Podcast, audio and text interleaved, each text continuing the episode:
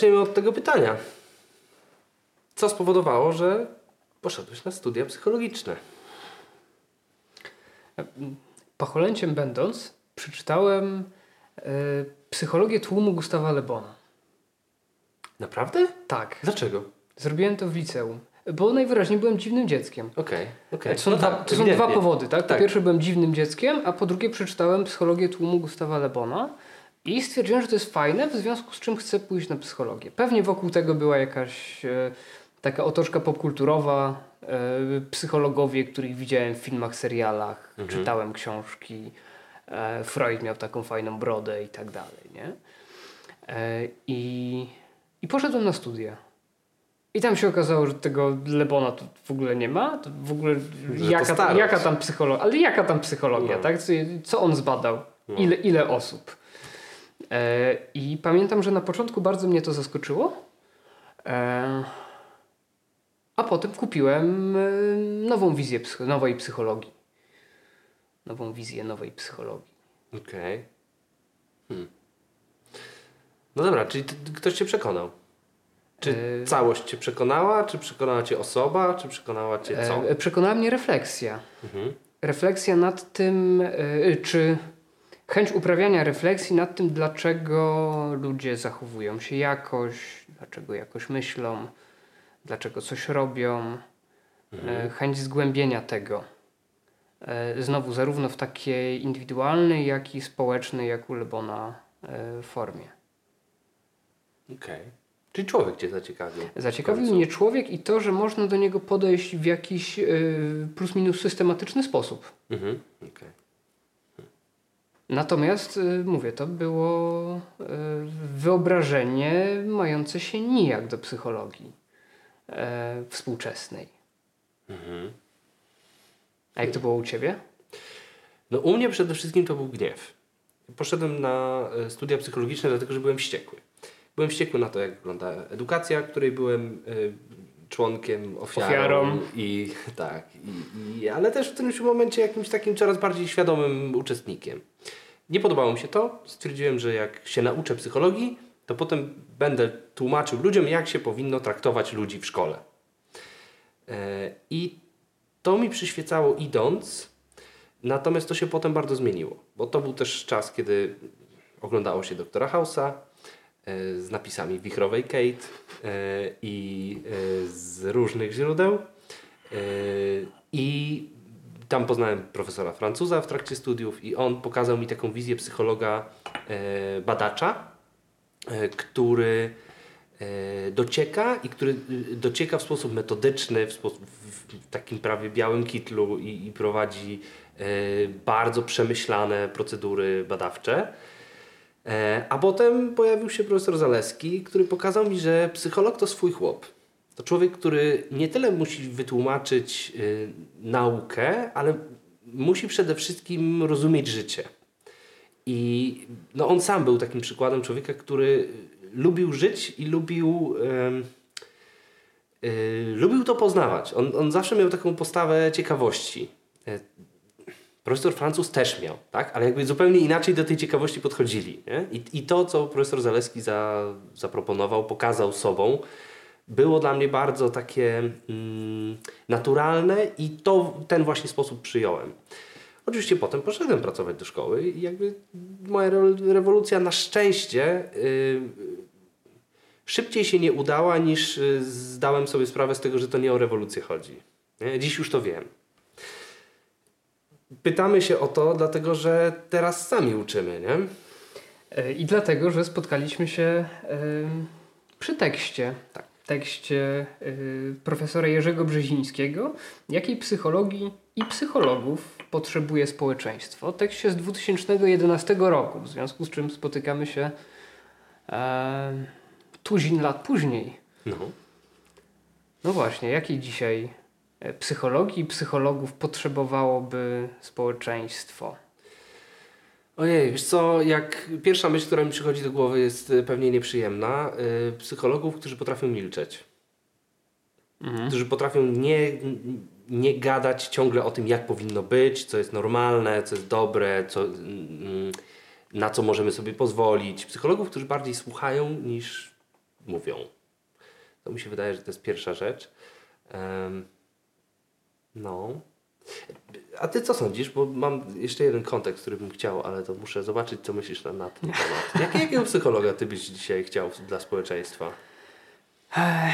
Ja bym chciał psychologa, e, którego jestem pewien. e, O, który jest przedstawicielem zawodu zaufania publicznego, któremu mogę ufać. A to zaufanie opierałoby się na tym, że on jest y, y, kompetentny, że ma wiedzę, mhm, okej. e, że ma pewne umiejętności, to znaczy praktykował. Mhm. E, praktykował więcej niż ja miałem okazję praktykować na studiach. O, Nie poszedłbym do siebie po studiach. okej. E, Bo tych godzin e, na praktyki obowiązkowe było niewiele. I nie było takich wymagań, jakie być może są dzisiaj, przynajmniej na tych praktycznych studiach psychologicznych. Bo ty studiowałeś ogólnoakademicki. ja profil. studiowałem, jeśli wtedy taki był, nie wiem jak Chyba to... tak, tak. Dzisiaj tak byśmy to nazwali. Dzisiaj tak byśmy to nazwali, tak. Ja też miałem ten. ten. Ale jeszcze jedną rzecz bym No. dodał. Y, Ta wiedza i praktyka, ale także refleksja etyczna Mhm. i silny wgląd.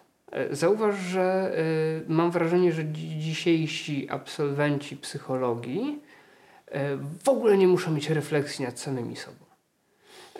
Prawie w ogóle w ramach zajęć akademickich, czy w ramach wymogów, które psycholog musi spełniać, nie ma treningów interpersonalnych, nie ma terapii własnej, nie ma jakichkolwiek innych form e, refleksji, nawet światopoglądowej. Jeśli psycholog ma być osobą, która nie wpływa e, na swojego pacjenta, klienta, e, nie wpływa na jego światopogląd, no to musi bardzo dobrze znać swój. Mhm. E, Wydaje mi się, że w obecnej ramie programowej nie ma na to w ogóle miejsca. Wiesz co, ja tak się zastanawiam nad tym, no bo mm, ta terapia własna to było coś takiego, co wszyscy nam mówili, że musimy zrobić. I ta superwizja. Wszyscy muszą to robić, ale a, wiecie, nie? Natomiast myśmy mieli psychoterapię w ramach zajęć. W sensie grupową, ale była. Normalnie mieliśmy proces psychoterapeutyczny trwający tam jakiś czas. E, I to było dla mnie bardzo wartościowe. Głównie dlatego, że się no, jakby przeszedłem proces i się zorientowałem, co mnie nie interesuje w, też, jak, jakim psychoterapeutą nie chcę być. E, I, I to było z dwóch stron jakby wartościowe. Natomiast ym, ta przydatność dla społeczeństwa i to zaufanie społeczne w takim kontekście bym chciał postawić. A jakby wreszcie była ta apokalipsa zombie? I wycięłoby, wiesz, wszystko, zaczynamy od, od zera, wiesz, z wiedzą, którą mamy, ale bez technologii, bez internetu, bez y, napięcia w gniazdku i tak dalej. Po co takiemu społeczeństwu jest psycholog? Czy my byśmy musieli przestać i zająć się czymś sensownym, takim, co wiesz, można na zasadzie barteru wymieniać, czy, czy my jednak bylibyśmy potrzebni? E, No, opierając całą swoją wiedzę o apokalipsie zombie na e, The Walking Dead i e, To też innych- jest moje źródło, tak. No właśnie. To myślę sobie, że bardzo potrzebna byłaby taka funkcja e, egzystencjalna psychologa, to znaczy e, refleksja, e, jakaś systematyczna refleksja na temat śmierci, lęku przed śmiercią, na temat wartości. Coś, co może Znowu, dzisiaj jest tematem gdzieś z jednej strony spychanym na bok, a z drugiej strony w obliczu pandemii, w obliczu wojny na Ukrainie, jest to coś, co znowu wraca. Tutaj widziałbym taką refleksję e, franklowską, logoterapeutyczną. No, pytanie o sens. No tak. E, Myślę sobie o tym, że też e, w, e, no wiesz, szaman. Nie? E, Uważam, że totalnie bylibyśmy szamanami Też- zaraz po apokalipsie. Tak, tak. Ale też wydaje mi się, że bylibyśmy tymi ludźmi, którzy są tym takim klejem społecznym. Powodują, że wiesz, nie, nie wytwarzamy, nie wiem, cegieł albo czegoś tam, ale powodujemy, że ludzie nie ustają. Że można z nami porozmawiać wtedy, kiedy faktycznie doświadczamy bólu i ten ból nie jest y, Twoją prywatną sprawą. A wydaje mi się, że w takich okolicznościach my byśmy jednak tego bólu dość dużo doświadczyli. I to, co mówisz, śmierć, yy, poczucie sensu, yy, poczucie sprawstwa, yy, pewnego rodzaju yy, spojrzenie na moje życie, tak? takie, które wiesz, się wywróciło, a potem życia następnych osób. Jakby wydaje mi się, że dalej bylibyśmy potrzebni. Natomiast czy my byśmy wtedy prowadzili naukę? Czy dalej robilibyśmy eksperymenty psychologiczne? Hmm. Myślę sobie o tym, że, yy, że jest yy, ogromny obszar psychologii, który może rzadko pojawia się yy, na uczelniach, jaką jest psychologia wojskowa, psychologia wojny. jest w ramach, jeśli dobrze pamiętam, NATO taka struktura, która się nazywa Psych Ops, mhm. operacje psychologiczne których dokonują psychologowie, na przykład przygotowując e, ulotki, które są rozrzucane na jakimś terenie objętym wojną. Mhm. Może to byśmy robili eksperymentalnie. Okej. Okay. Znaczy, dla mnie jest istotne to, że mm, gdyby się wydarzyło coś niespotykanego, czarny łabędź nagle, i my mielibyśmy działać i pozostać psychologami, to moim zdaniem musielibyśmy badać. Bo jak ktoś przychodzi do ciebie w nowych warunkach, no to wszyscy się do nich adaptujemy. Natomiast my też jesteśmy zobowiązani do tego, żeby opierać swoje oddziaływania na podstawach empirycznych. Jednak nie jesteśmy szamanami. Mhm. Może pełnilibyśmy takie funkcje, ale jednak nie, nie wróżymy z dymu, z, z fusów czy z czegokolwiek innego, tylko opieramy się o, o badania empiryczne. Mówię o tym dlatego, że chcę wrócić do tego tekstu, gdzie pojawia się taki postulat, że y, kształcimy psychologów, którzy mają być i akademikami, i mają być w kontakcie z człowiekiem. Mają potrafić jedno i drugie. I moi studenci często y, stawiają mnie w takiej sytuacji, gdzie mówią, że oni przecież nie będą doktorami, nie będą mhm. się habilitować. Oni idą tam do gabinetu i tam będą pomagać. I oni chcą, żebym ja ich uczył tak, żeby oni sobie w tym gabinecie y, poradzili, a tą statystykę to wie pan. Mhm. To se pan tam coś tam, nie? Co pan wpisze. Da pan czy, będzie dobrze, nie? Y, czy ty widzisz psychologa jako i to, i to? Czy gdzieś jest większy nacisk? Czy może trzeba robić osobne studia dla psychologów y, akademików i dla psychologów gabineciarzy? Mhm. No trochę tak dzisiaj jest, nie? W tym y, systemie ogólnoakademickim i praktycznym. Tak, tak? Mi, się, tak mi się wydaje. Tak to, tak to widzisz? Że jedni mają być bardziej... Nau... Pewnie w odbiorze społecznym to nie jest wyczuwalne, No to, to nikogo nie obchodzi, nie? To nikogo nie obchodzi. Koniec końców y, chyba każdy z tych psychologów musi napisać pracę magisterską o charakterze empirycznym, tak. a zatem mm, gdzieś jest ten nacisk na badania. Ja bym bardzo chciał, żeby tak było. To znaczy, żeby y, psychologowie mieli silne oparcie i w jednym i w drugim. E, i w spotkaniu z człowiekiem, i w praktyce, e, i w przynajmniej e, umiejętności czytania tekstów naukowych, wyciągania z nich wniosków i ewentualnie wprowadzania tego do własnej praktyki, albo umiejętność rozróżnienia, czy to, co czytam, jest psychologicznym harlekinem, jakby to powiedział Jerzy Brzeziński, czy, czy czymś wartościowym. E, okay. I e, wydaje mi się, że mamy z tym dzisiaj kłopot, e, bo akademia, przynajmniej z moich doświadczeń, jest trochę taką wieżą z kości słoniowej, gdzie akademicy są zajęci trochę sobą i trochę tym środowiskiem, pisaniem wniosków grantowych, pisaniem publikacji a ten kontakt z człowiekiem y, to jest y, przez 3 sekundy, gdzie witamy się z nim przed laboratorium, a potem lecimy ze scenariuszem e, mhm. badawczym y, i potem żegnamy go, klepiąc go w ramię. Okay. Co też jest w tym scenariuszu? Co też jest w tym scenariuszu, tak. E, I to sprawia, że i to jest refleksja, którą zdobywam już hmm, po jakiejś, y, po, po praktykowaniu bycia psychologiem. Mhm. To znaczy na studiach ja tego nie widziałem. Na studiach y, widząc tych doktorów i profesorów, y, e, miałem wrażenie, że oni ten kontakt z człowiekiem mają żywy. Dzisiaj coraz bardziej zastanawiam się nad tym, poddaję to, to spotkanie w wątpliwość. Mhm. Ja myślę sobie, że em, hmm, ta praca magisterska to jest pewnego rodzaju wysiłek, który jest empiryczny, ale on powoduje konieczność myślenia empirycznego i te, mam dużą nadzieję, że ta umiejętność jest transferowana na spotkanie z klientem. Że em, nie podchodzimy do niego tylko hura, wspaniale, że przyszedłeś, ja jestem osobowością, ty jesteś osobowością, złączmy się, albo oddziałujmy na siebie, tylko y, Oddziałujmy na siebie, bo złączmy wydaje mi się, że wchodzi w obszar etyczny jest czy, bardzo czy dużo psychologów, którzy się łączą ze swoimi klientami No i potem właśnie. się nie mogą odkleić. Co też jest pewnego rodzaju y, odpowiedzialnością tych, którzy ich przygotowywali do tego zawodu.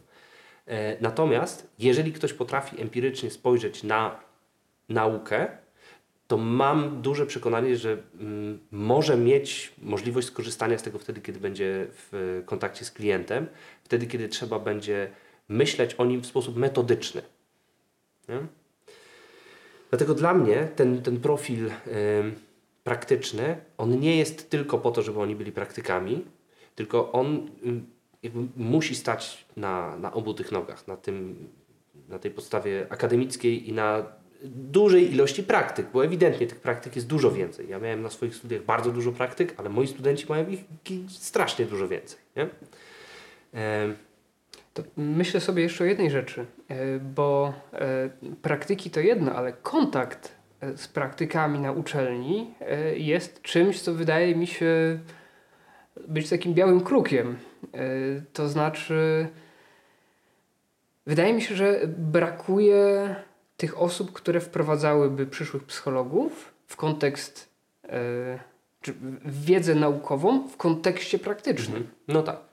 E, Jak myślę sobie o doktorantach, którzy świeżo po skończeniu e, studiów psychologicznych zaczynają uczyć studentów rzeczy, nie mając własnej e, praktyki i własnych doświadczeń, no to widzę tutaj pewien kłopot. A mimo wszystko to doktoranci obstawiają te, e, te, te, te większość zajęć, jak tu ładnie określiłeś chwilę wcześniej, plankton akademicki, to, to jest trochę to. Tak. Uniwersalny prowadzący, który poprowadzi wszystko, nawet jeśli nie ma tutaj doświadczenia. Na to też mam y, określenie. Ja y, siebie tak określam jako scyzoryk akademicki. Ogólną poprowadzę i rozwojówkę, i statystykę, i spoko. Nie? Natomiast y, istotne jest w, mojej pracy to, że ja jednak mam kontakt z człowiekiem poza uczelnią, że ja y, praktykuję i dla mnie takim połączeniem, które dla studenta jest najbardziej korzystne, jest y, akademik, który pokazuje, jak prowadzić badania, bo to robi, Mhm. i praktyk, który pokazuje, jak być w kontakcie z człowiekiem, bo to robi. A jeszcze do tego dochodzi jedna rzecz, bo ten y, akademik i praktyk musi jednocześnie być zdolnym dydaktykiem, który Musi, będzie tak. w stanie to dobrze przekazać. Tak, bo to, że ktoś to robi, to wcale nie znaczy, że umie o tym mówić. Absolutnie się zgadzam. I w jednej, i w drugiej sferze. Nie? Tak, pozostaje pytanie, czy y, jeśli ktoś jest sprawnym dydaktykiem, to może nie badać albo nie być w kontakcie. Nie? Bo zobacz, y, Sprawny dydaktyk jest w zasadzie referent, y, osobą, która referuje teksty. Y, okej. Streszcza je, co też jest przydatne, nie? Z pewnej perspektywy. Potrafi Nie. wyciągnąć jakąś syntezę. sprawny dydaktyk Sprawny dydaktyk. spowoduje, że ci w pięty pójdzie. Że jak poznasz, em, że skontaktuje cię z, z wiedzą i spowoduje, że ty zobaczysz w niej wartość. To nie chodzi tylko o to, żeby to zreferować. Bo mam wrażenie, że właśnie akademicy mają taką tendencję do tego, żeby referować to, co robią. I jeśli to jest fascynujące i potrafią zrobić to sprawnie, dydaktycznie, to pokażą to w sposób uniwersalny. Tak samo jest z praktykami. Oni mogą powiedzieć, u mnie w gabinecie coś tam, coś tam, ale to musi być na tyle ogólne, żeby ci ludzie potrafili pracować gdzie indziej niż w gabinecie u tych ludzi. Nie? Z tym konkretnym pacjentem. Z tym konkretnym pacjentem. E, więc myślę sobie, że e, ten problem uczenia wymaga pewnego rodzaju odpowiedzialności, która kręci się dookoła tego, co ty powtarzasz, że to jest zawód zaufania publicznego. Ja bym chciał, żebyś ty to jakoś rozpakował, wytłumaczył, co to znaczy, że zawód jest zaufania publicznego. No bo jest. I nawet jeśli myślisz, że yy, nie kształcimy takich psychologów, to społeczeństwo tego od nas wymaga. To znaczy społeczeństwo idąc do psychologa, społeczeństwo, konkretny człowiek Mhm. yy, nie ma kompetencji albo nie musi mieć kompetencji, yy, żeby móc rozróżnić, czy ta osoba, do której idzie, yy, jest profesjonalistą, czy jest osobą, która skończyła internetowy kurs.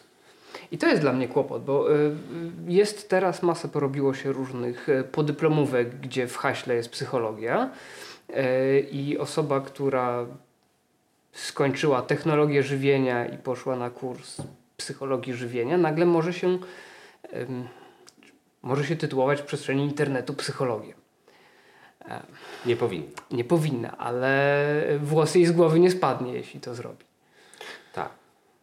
Mm, I to jest dla mnie kłopot, bo y, chciałbym, żeby osoba, która, y, nie czarujmy się, nie jest łatwo pójść do psychologa.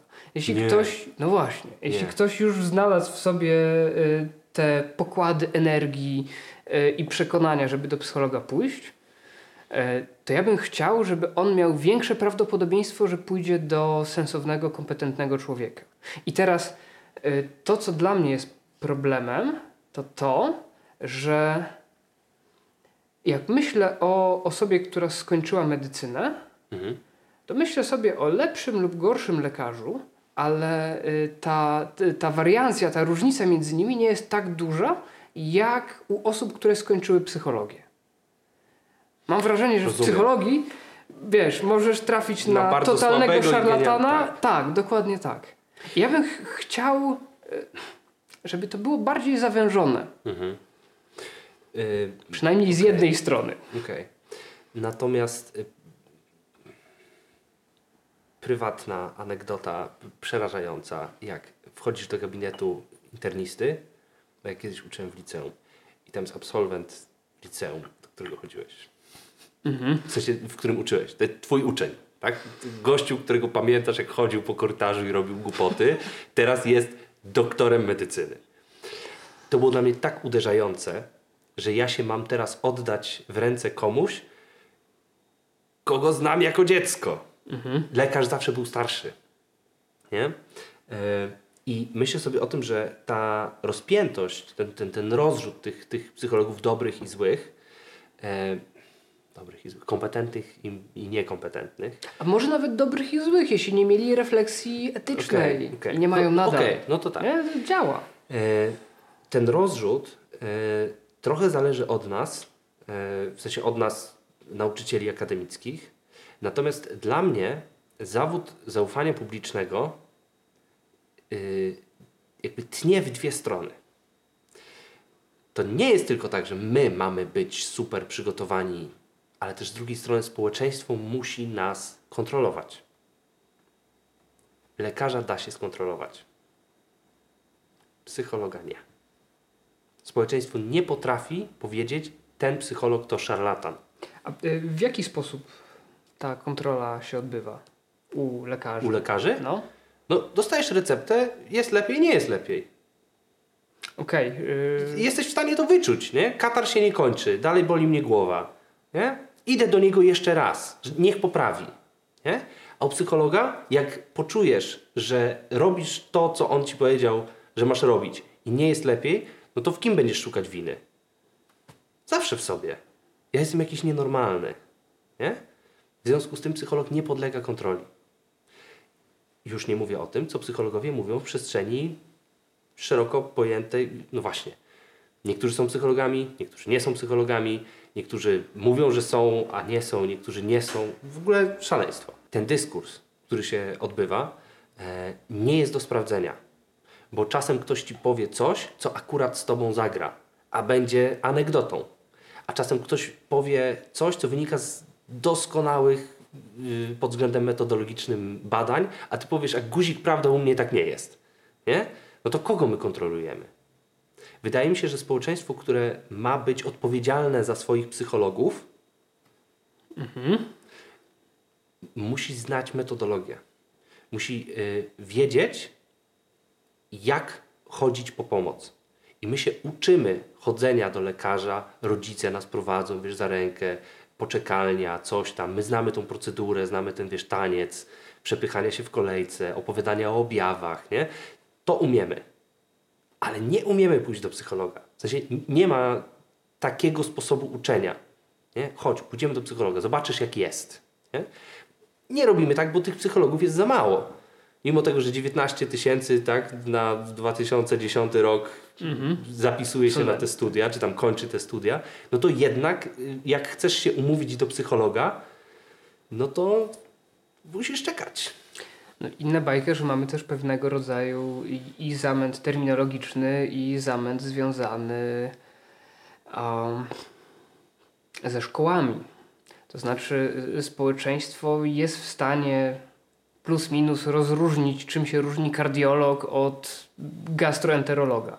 E, a czym się różni psycholog systemowy od, czy psychoterapeuta systemowy od poznawczo-behawioralnego? Mamy kłopot. I to na czwartym roku mamy kłopot. na czwartym roku psychologii są kłopoty z tym. Mhm. E, natomiast... Ja nie wiem, czy my jesteśmy w stanie w ogóle, czy, czy my możemy oczekiwać od społeczeństwa, żeby oni to wiedzieli. E, jeżeli... Skoro czwarty rok psychologii ma kłopot. Tak, natomiast y, weszliśmy tak głęboko w y, społeczeństwo z tymi swoimi głosami, Instagramami, y, eksperckimi wypowiedziami w telewizji i tak dalej, tak głęboko weszliśmy w to społeczeństwo, a nie dopuściliśmy społeczeństwa z powrotem. W sensie nie, y, nie ma takiej możliwości, żeby powiedzieć panie psychologu, nieprawda. Inne są badania i ja o tym wiem. Tak? I to też powoduje, że psychologowie są tak wspaniale zachowawczy wtedy, kiedy się wypowiadają. Wypowiadają się w sposób, który jest absolutnie wykluczający jakąkolwiek dyskusję. To zależy. To zależy. Czasem tak, a czasem śmak. Nie? I nie da się z psychologiem dyskutować. Jesteśmy, yy, wchodzimy w społeczeństwo i mówimy, proszę nam ufać, ale my wam nie będziemy ufać bo wy y, oszukujecie w ankietach, bo wy macie wysoki y, y, poziom potrze potrzeby aprobaty społecznej, coś tam, coś tam. Społeczeństwo jest głupie, my jesteśmy super, ale społeczeństwo musi nam zaufać. Niesprawiedliwe to jest. I jak czytam ten tekst, to to właśnie słyszę. Tą niesprawiedliwość, że my musimy być ponad wszystko, a społeczeństwo po prostu ma nam ufać. Okej. Okay. Co nie wyklucza tego, że Chciałbym, żeby od psychologów wymagano więcej. Chciałbym, żeby psychologowie od siebie wymagali więcej. I yy, chciałbym ich tak kształcić, żeby nie ustawali w wymaganiu od siebie. Bo to, o czym Ty mówisz i to, o czym ja mówię, to zaufanie społeczne i to yy, yy, społeczna kontrola psychologów, to są utopijne wizje psycholog, któremu mhm. zawsze można zaufać i społeczeństwo, które zawsze psychologa skontroluje, nie istnieje. Tak? W związku z tym, jeśli ktoś ma być faktycznie odpowiedzialny za psychologa, to to jest ten psycholog. I można się uczyć psychologii w taki sposób, żeby uzyskać pewność, żeby skończyć studia e, i mieć przekonanie, wiem co robię. Nie ma nic bardziej niebezpiecznego niż psycholog, który jest przekonany, że wie. W moim przekonaniu, mhm. tak? Dla mnie psycholog to jest y, osoba metodycznie wątpiąca. Dlatego na studiach brakuje mi filozofii, brakuje mi antropologii, e, brakuje mi y, logiki, która jest, wiesz, Michałkiem do zaliczenia przez jeden semestr, a to jednak jest umiejętność metodycznego wątpienia. I to nie jest tak, że do tego musi być osobny przedmiot. Dobrze by było, jakby był, ale to musi być temat, który jest we wszystkich przedmiotach. Jak metodologicznie wątpić w kwestii rozwoju, w kwestii diagnozy, w kwestii y, zdrowia, w kwestii y, statystyki. Tak? Musisz umieć wątpić cały czas. No. Uważam, że to jest podstawa. Mhm. E, I. Mm, bo to, co mówisz, jest taką postawą sceptycką. Mhm. E, a Sextus Epiryk, e, jeden z czołowych przedstawicieli, przynajmniej w starożytności, e, powiedziałby, że sceptycyzm jest swego rodzaju ziołami na przeczyszczenie, mhm. które mają w pewnym momencie zadziałać i to wątpienie metodyczne musi się pojawić, ale wydaje mi się, że tam gdzieś w niektórych obszarach jakaś pewność musi być. Pewność na przykład w kontekście tego, głębokie przekonanie, i uważam, że to jest coś, co psychologowie czy nauczyciele akademicki, akademiccy, praktycy powinni kształcić e, u studentów. Przekonanie, pewność. pewność co do tego, że y, człowiek posiada niezaprzeczalną godność. A, no to oczywiście. To po tak. pierwsze. E, po drugie, pewność co do tego, że gdy e, mamy podejrzenie nadużyć seksualnych, e, molestowania, gwałtu, to należy to zgłaszać. To, to tak. jest coś, czego wydaje mi się bardzo brakuje. T y, tak. Myślę sobie o tym też, też jak o tym mówisz, to, to przypomina mi się moja praktyka, jak, jak wyszedłem tylko ze studiów. Ja byłem tak absolutnie niedecyzyjny. Wszystko, o wszystko musiałem zapytać. Mhm. Wolno mi, a, a tu te zgłaszać, nie zgłaszać, wiesz. I to takie sprawy, o których ty mówisz, takie, które wiesz, tu z perspektywy bezpiecznego stolika, nie no trzeba, nie? Ale jak jesteś w środku, to nie wiesz, czy, czy trzeba. To zdajesz sobie sprawę z tego, jakie będą konsekwencje, jak ten dym yy, rozniecisz, nie? Yy, myślę sobie też o tej pewności, że wątpienie ma być postawą jakby domyślną, ale jak jesteś w kontakcie z klientem, to ty musisz być oparciem nie możesz powiedzieć, ja nie wiem. Mhm. Tak? To, może inaczej. No właśnie. Możesz powiedzieć, ok, wycofuję się, możesz powiedzieć, ja nie wiem, natomiast y, Twoja postawa musi być stanowcza. Y, to nie ja mam wiedzieć. Nie? Y, natomiast ja mogę być y, stanowczy wtedy, kiedy ja się nie boję wątpić. Nie? Bo jak ja y, stanowczość traktuję jako bastion, który muszę ochronić i nie pokazać przed klientem, że ja nie wiem, e, no to będę się skupiać na sobie, a nie na tej osobie, z którą pracuję. Więc tak, niepewność i pewność, super. 100% mhm. uniwersum musimy nauczyć, nie? No właśnie, nie? To są, e, to są dwa bieguny tego, co psycholog musi w sobie mieć. Znaczy dopuszczać jedno i drugie. E, I poruszałeś ten temat na jednym ze swoich filmów na innym kanale. Mhm. E, ten związany z e, rolą nauczyciela e, akademickiego, czy, w ogóle rolą nauczyciela i przedstawiania możliwości wyboru. To znaczy, wydaje mi się, że jak uczymy, jak wielu z nas uczy psychologii ogólnej, wprowadzenia, etc., to my pokazujemy całą gamę różnych mhm. rzeczy i robimy to, czy robi się to często z takiej perspektywy e, relatywistycznej. To znaczy, to jest szwedzki stół, wybierajcie sobie. Mhm. E, a wydaje mi się, że to nie do końca jest uczciwa postawa że nie wszystko, co się pojawia, pojawiało na terenie psychologii, jest y, równowarte, y, równie uzasadnione y, i znowu jeszcze wchodząc w takie, takie mniej, bardziej szarlatańskie obszary, które też gdzieś na, czy w samej psychologii, czy na jej pograniczach powstawały. Mamy pewną możliwość weryfikowania tego, co jest lepsze, a co jest gorsze. I teraz stawianie y, osoby studiującej w takiej sytuacji, że ona może sobie y, ze wszystkiego wybierać, bo wszystko jest na równi, jest nieuczciwe, moim zdaniem. Y, nie odsłanianie tutaj siebie, to znaczy nie pokazywanie, że są te różne opcje, a ja uważam tak, też mhm. jest pewnego rodzaju y, nieuczciwością w stosunku do, do studenta, do osoby uczącej się. Mhm. E, ro, rozumiem to, o czym mówisz, natomiast e, to znów zakłada, że my, to co my prezentujemy, ma być kompletne. Jak uczę studentów pierwszego, drugiego roku, to moja jedna z ważniejszych myśli, które mi towarzyszą, co zrobić, żeby oni się sparzyli.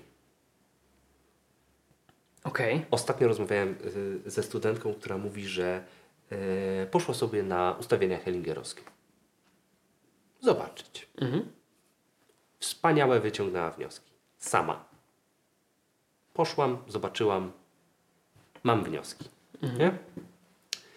Wydaje mi się, że student powinien dotknąć szarlatanerii e, w takim sensie, żeby poczuć, jakie to jest i na poziomie emocjonalnym potrafić odróżnić to od tego, co jest naukowe.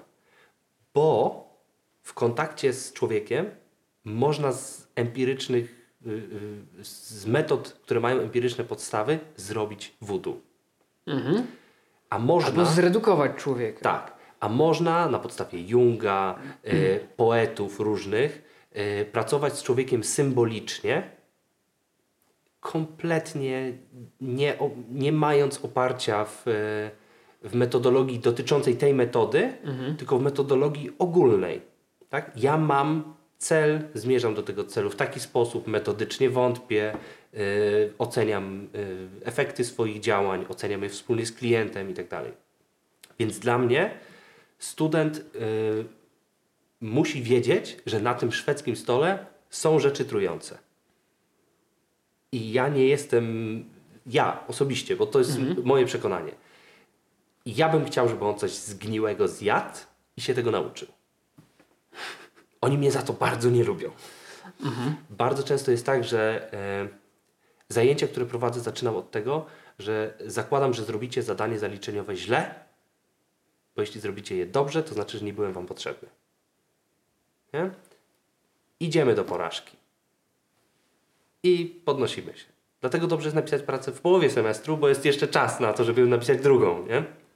E, Jest No- czas na sprawdzenie. i jest czas na sprawdzenie. Natomiast uważam, że wiele osób może uw- uważać to moje podejście za niesprawiedliwe. Także ja daję coś i nie daję, tak jak mówisz, oceny. Tu jest tak i tak, ja wybrałem to. Nie, nie robię tego, bo, bo mm, obawiam się tego, że będę się zbyt narzucać im. Ale rozumiem, że czasem trzeba takiego silnego przekazu.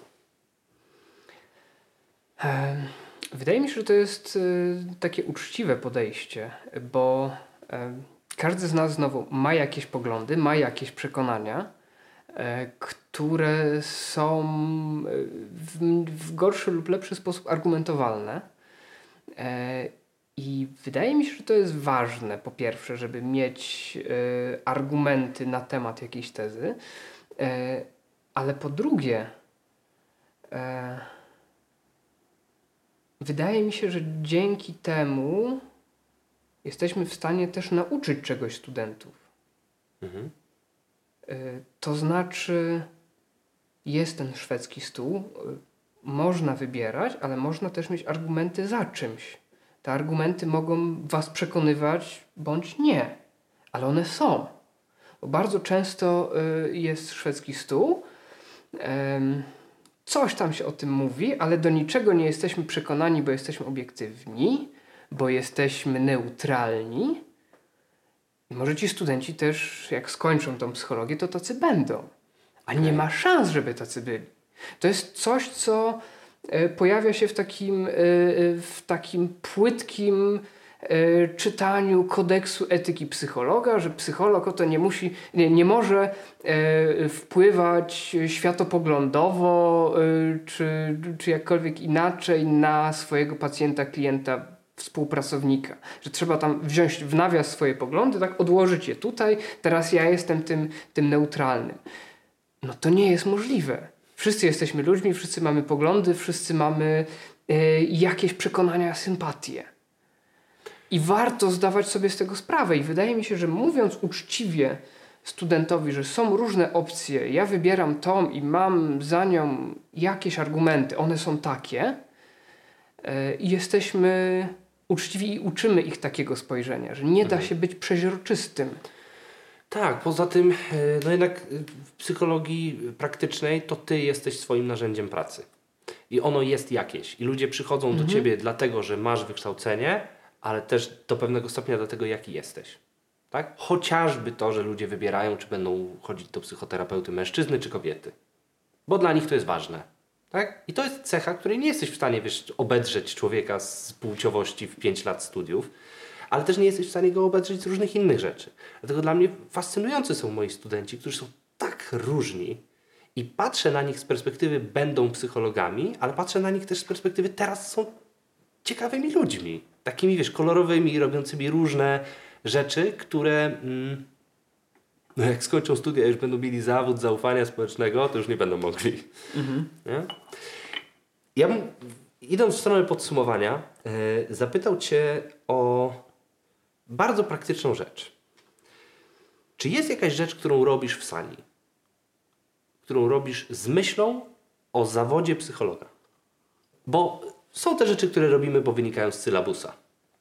Są te rzeczy, które robimy, bo oni tego nie potrafią. Nie? Ale są też takie rzeczy, które ja muszę im powiedzieć, żeby oni byli dobrymi psychologami. Żeby. No właśnie. Masz coś takiego? Em, Właśnie chyba odwrotnie y, do tego, co, y, co ty proponujesz swoim studentom. Y, To znaczy, ja staram się im mówić, co mnie przekonuje, Okej. y, czego nie ma w sylabusie. No tak, no tak. Y, Natomiast y, gdzieś staram się mówić, że dla mnie takie argumenty są przekonujące. Przedstawiając, nie wiem, y, różne szkoły terapeutyczne czy psychologiczne, mówię o tym, że te i te są dla mnie wartościowe, ale ta bardziej, albo ta mnie przekonuje dlatego, że coś tam, że ona uwzględnia jakiś aspekt, który, y, który jest dla mnie istotny. To jest jedna rzecz. Y, Druga rzecz, y, zawsze staram się prowadzić zajęcia, przedstawiając siebie w sposób nieprzeźroczysty. Mhm. To znaczy mówiąc, że jestem z takiej uczelni, w związku z czym mam takie podstawy, jestem takim psychologiem i takim praktykiem, z takimi ludźmi współpracuję, y, co może budować e, wasz lepszy ogląd mnie. I to, co mówię, traktujcie przez pryzmat tego. Mhm. Mhm. Wiesz, m- może to jest trochę upraszczające, ale, ale mam jakieś takie doświadczenie, że jak jesteś. To będzie krzywdzące, ale niech będzie. Jak jesteś terapeutą poznawczo-behawioralnym, y, to mówienie źle o y, psychoterapii psychodynamicznej masz we krwi. Mhm. Okej. No, no tak. No nie? To jest jakieś y, moje doświadczenie ludzi, którzy gdzieś tam, y, gdzieś tam są z tym związani. I oni mają na to dobre argumenty. Dlaczego psychoterapia psychodynamiczna czy psychoanalityczna jest, y, jest słaba? Ale myślę sobie, że oni mogą nie mieć mm, pewnego obszaru wiedzy, który mieliby na przykład y, systemowcy, poznawczo-behawioralni, gestaltyści, etc. No I na trzeba na to patrzeć, nie? bo nie są przeźroczyści. Na szczęście studenci spotkają się z gestaltystami i innymi w trakcie swoich studiów. Nasz, miejmy Mam nadzieję, nadzieję. Tak, że to się jakoś wyrówna, że moje stanowisko będzie zrównoważone stanowiskiem kogoś, kto ma inne poglądy. Nie? Dla mnie to też jest istotne, żeby pokazać, że ja na przykład wchodzę w buty y, tych, którzy, co do których studentom jest najłatwiej y, budować kontrargumenty. Jak oni mówią, Freud nie miał racji, to ja momentalnie jestem psychodynamiczny. Tak? I argumentuję, dlaczego mógł mieć. Nawet jeśli wiesz, na, nazmyślał, nabujał i tak dalej, to jest wartość w tym. I on jest w kanonie nie bez powodu. Nie? E, jak oni mówią Freud wspaniały i tak dalej, to mówię, no chwila, chwila. Nie? Więc jakby dla mnie to jest istotne, żeby y, to, co mówisz, że jeśli coś jest na tym stole, to ważniejsze jest to, że my jesteśmy w stanie argumentować, dlaczego nam to pasuje, a, a to nie pasuje, niż jakie to obiektywnie jest. Bo właściwie jakie to jest obiektywnie? No, nie wiadomo. Nie? Znaczy, obiektywnie, dla każdego klienta będzie to inaczej e, działało, dla każdej mm, osoby i tak dalej. Więc to, no to nie jest dla mnie takie. Mm, nie mam takiej łatwości, żeby, żeby powiedzieć, idziemy tą drogą, ale też nie jestem przezroczysty, tak? Jakby to y, głównie posługuje się poczuciem humoru, które jakby jasno mnie umiejscawia, nie? No dobrze. E, czy pan jest zadowolony z tej rozmowy? Ja bym jeszcze chciał Tobie zadać jedno pytanie. Słucham. A czy są, czy w, w programie studiów Mhm. psychologicznych są jakieś obszary, które są niezagospodarowane, których ci brakuje, yy, albo nie ma tam czegoś, co według ciebie powinno być. Ja myślę, że w ramach psychologii społecznej bardzo mi brakuje wychodzenia z uczelni na chodniki i badania ludzi i rozmawiania z ludźmi, bo widzę, jak studenci, którzy sami postanawiają to zrobić, jak dużo zyskują. Mm, wydaje mi się, że w ramach studiów brakuje mi takiego właśnie e, takiej koncentracji na budowaniu swojego miejsca pracy. Bo pracowałem w instytucji, w której psycholog był i osoba, która, z którą współpracowałem, wytworzyła to miejsce i wytworzyła znaczenie psychologa w tej organizacji i pracowałem w miejscu, gdzie psychologa nie było nigdy i trzeba było to miejsce wytworzyć i wtedy zobaczyłem, mhm. jakie to jest makabrycznie trudne i jak bardzo prozaiczne i malutkie rzeczy potrafią z, zniszczyć wszystko. Więc myślę, że to są takie rzeczy, których, yy, których mi brakuje. No i to, co mówiłem wcześniej, filozofia, logika, szachy, łacina. Jesteś na czasie z tą łaciną. Eee. Ja miałem taką łacinę w liceum, słuchaj, że mnie zwolnili z łaciny na studiach. Uuu. Tak, bo gdzie przeczytali, kto mnie uczył łaciny, to wiedzieli, kto to jest i powiedzieli, dobra, to ten pan nie musi chodzić. Nie? Mhm. No, to było fajne. To mi brakuje takich rzeczy y, jak, e, jak pogłębiona refleksja etyczna.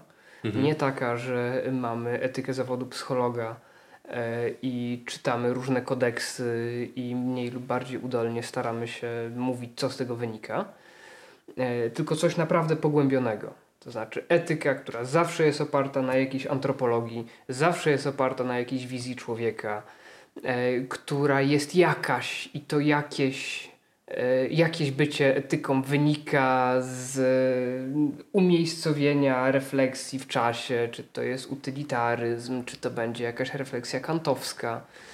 E, tego mi bardzo brakuje i uważam, że to, e, to jest coś, w czym psychologowie, którzy tego nie mieli, powinni się dokształcić. Myślę sobie o takich obszarach. O są zajęcia, które, y, które miałem szczęście mieć, ale one były fakultatywne i z tego co wiem, y, już się nie odbywają, bo nie cieszyły się y, taką popularnością. Ale takie zajęcia jak psychologia religii, które mhm. wydaje mi się rzadko się pojawiają, a koniec końców większość naszych pacjentów, klientów i osób, z którymi będziemy współpracować, prawdopodobnie będą jakoś ustosunkowani do religii. Są religijni. Są religijni, są tak. niereligijni, są tak. antyreligijni, y, mają jakieś stanowisko i to jest coś, co mogą wnieść do, nasze, do spotkania. Mhm. E, I mam wrażenie, że większość psychologów e, nie jest kompetentna w tym obszarze. Czy może nie być kompetentna w tym obszarze? Mhm. Myślę sobie o takich rzeczach. Fantastyczne zajęcia z profesorem Maciejem Dymkowskim. Zajęcia, które prowadził z Uniwersalności Teorii Psychologicznych, e, które prowadził absolutnie przewspaniale e, z kajetem, w którym zapisywał e, wypowiedź każdej osoby na zajęciach, zaznaczając, że się odezwała w mniej lub bardziej sensowny sposób. Cudo, ale to była taka refleksja o charakterze metapsychologicznym to znaczy, on zastanawiał się, wspólnie z nim zastanawialiśmy się, e, jaka psychologia jest, gdzie są e, jakieś obszary uniwersalne w psychologii, a które nie są. A może konstrukcjonizm w psychologii Keneta Gergena na przykład. E, a może Ekman i uniwersalność emocji co jest tylko charakterystyczne dla naszej kultury, co jest indygeniczne, e, a co jest ogólnoludzkie. A zatem refleksja o charakterze, no właśnie, mm, filozo filozofii psychologii, filozofii nauki, e, metapsychologii. Tak, ale też budująca dociekliwość, taką, która wychodzi poza naszą naukę, nie? Bo to jest niebezpieczny jest dla mnie psycholog, który myśli, że wszystkie odpowiedzi są w psychologii. Mhm. Nie? I to, o czym mówisz tutaj, yy, jest takim remedium na, na to fałszywe założenie. Nie? No. Pamiętam y, dwa rodzaje zajęć, które odbywały się na mojej uczelni. Y, y, jedne z nich to była psychologia twórczości. I to był taki, taka klasyczna psychologia twórczości, którą mamy w podręcznikach, a druga to była psychologia piękna. O. I tam też była twórczość. I ćwiczenia, które pozwalają nam czy naszym e, osobom uczącym się, pacjentom, klientom rozszerzyć swoją, swoje możliwości twórcze. Ale tam była też e, refleksja nad pięknem, e, nad być może jakąś e, e, jakimś spojrzeniem na piękno w sposób poznawczy, że piękno nam coś mówi o rzeczywistości, o człowieku, o jego funkcjonowaniu E, to wychodzenie z psychologii w kierunku historii sztuki, czy w ogóle historii, co było uznawane za piękne e, na przestrzeni wieków, jak to jest dzisiaj, do czego my się odwołujemy. E, no, to jest coś bardzo ważnego moim zdaniem. W kontekście tego artykułu e, myślę sobie, że to, co proponujesz, jest e, wymaga ośrodka akademickiego takiego miejsca, gdzie ludzie yy, nie zaczęli tego robić wczoraj, gdzie są dostępni ludzie, którzy mają takie refleksje, gdzie wiesz, jest kulturoznawca, gdzie jest filolog i tak dalej. I, oni mogą się spotykać, bo jeśli ktoś, wiesz, na zasadzie scyzoryka akademickiego, a ja teraz poprowadzę psychologię piękna, zobaczę sylabus, -hmm. pyk, pyk, pyk, zrobię, zrobi, ale to nie jest to. Nie? W sensie, no i znów, no nie mogę powiedzieć, że każdy, kto to mu nie wyjdzie. Tak? Natomiast e, chodzi o to, że e, gdzieś jest ta atmosfera. Ta atmosfera e, tego, że ta psychologia to nie, jest, to nie są tylko zajęcia, że ona wisi w powietrzu. Że, że jest grupa ludzi, którzy zajmują się psychologią i to, to, co my poznajemy na zajęciach, to jest kawałek. Nie? naprawdę pamiętam piąte piętro w kolegium Jana Pawła II po prostu była psychologia w powietrzu. I e, katedry, które jakby otwierały się drzwi i mieszały się zupełnie inne poglądy. Nie? To było niesamowite. I wydaje mi się, że psycholog powinien mieć też taką, takie oparcie w tym, nie? że miejsce, z którego, z którego wychodzę, to jest w ogóle miejsce, do którego mogę wrócić. Nie? pogadać tu z profesorem, z katedra, wiesz, i tak mhm. dalej, nie? To nie jest tak, że konsultacje są tylko dla tych, którzy nie zaliczyli, tylko w ogóle dla absolwentów też. I myślę sobie, że e, ta obawa o psychologię, mimo tego, że mam w sobie dużą potrzebę, żeby powiedzieć, że jest ok, no to jednak we mnie jest. I y, ja tak mówię, że chciałbym, żeby psychologowie byli odpowiedzialni za siebie, ale ja nie wiem, czy oni będą. Ja robię dużo, żeby byli, ale ja nie wiem, czy to wystarczy. I e, myślę sobie o, o takiej powinności, żeby chronić nasz zawód przed ludźmi, którzy e, studiują, a nie, nie powinni skończyć. Mhm. Nie? E, nie każdy musi skończyć psychologię. Nie każdy musi skończyć psychologię. I to nie jest nic złego. I to jest, i to jest naprawdę dobre, jeśli ktoś na trzecim roku, bo ten trzeci rok jest fajny, dla mnie był przełomowy, gdzie zastanawiałem się, czy ja powinienem to kończyć. Nie? nie ma ustalonej definicji, że, że trzeba zawsze skończyć. Można iść w różne inne miejsca, mieć ciekawość i wiedzę na temat człowieka i nie być psychologiem. Mhm. Tak? I to jest w porządku. I to jest w porządku. I to jest super. I my potrzebujemy takich ludzi na granicy różnych nauk. Takich, którzy niosą człowieka jako wartość, ale nie muszą być psychologami. Nie? To jest ciekawe, bo y, myślałem, że ja skończę w ten sposób. Aha. E, a, ale jako, że wykorzystałeś ten, ten obszar, to to, co ja wyciągnąłem z tej rozmowy i co chciałbym, żeby gdzieś zostało w weterze, E, to takie chcenie, żeby absolwent psychologii, osoba, która kończy psychologię, nie kończyła jej e, z takim przekonaniem, że, e, że oto ona teraz wie, kim jest człowiek, jaki jest człowiek. Nie? Chciałbym, żeby mm, osoba kończąca psychologię wiedziała coś o człowieku, umiała do niego podejść w sposób systematyczny E, i ciągle była przekonana, że człowiek jest tajemnicą. Trudno cokolwiek powiedzieć po czymś tak e, właściwie kończącym. Dziękuję bardzo za tą rozmowę. Dziękuję. Chyba lepiej, nie? Sto razy lepiej. Sto razy lepiej. To, to, no. Dużo sto razy. Dużo sto razy. 57 minut.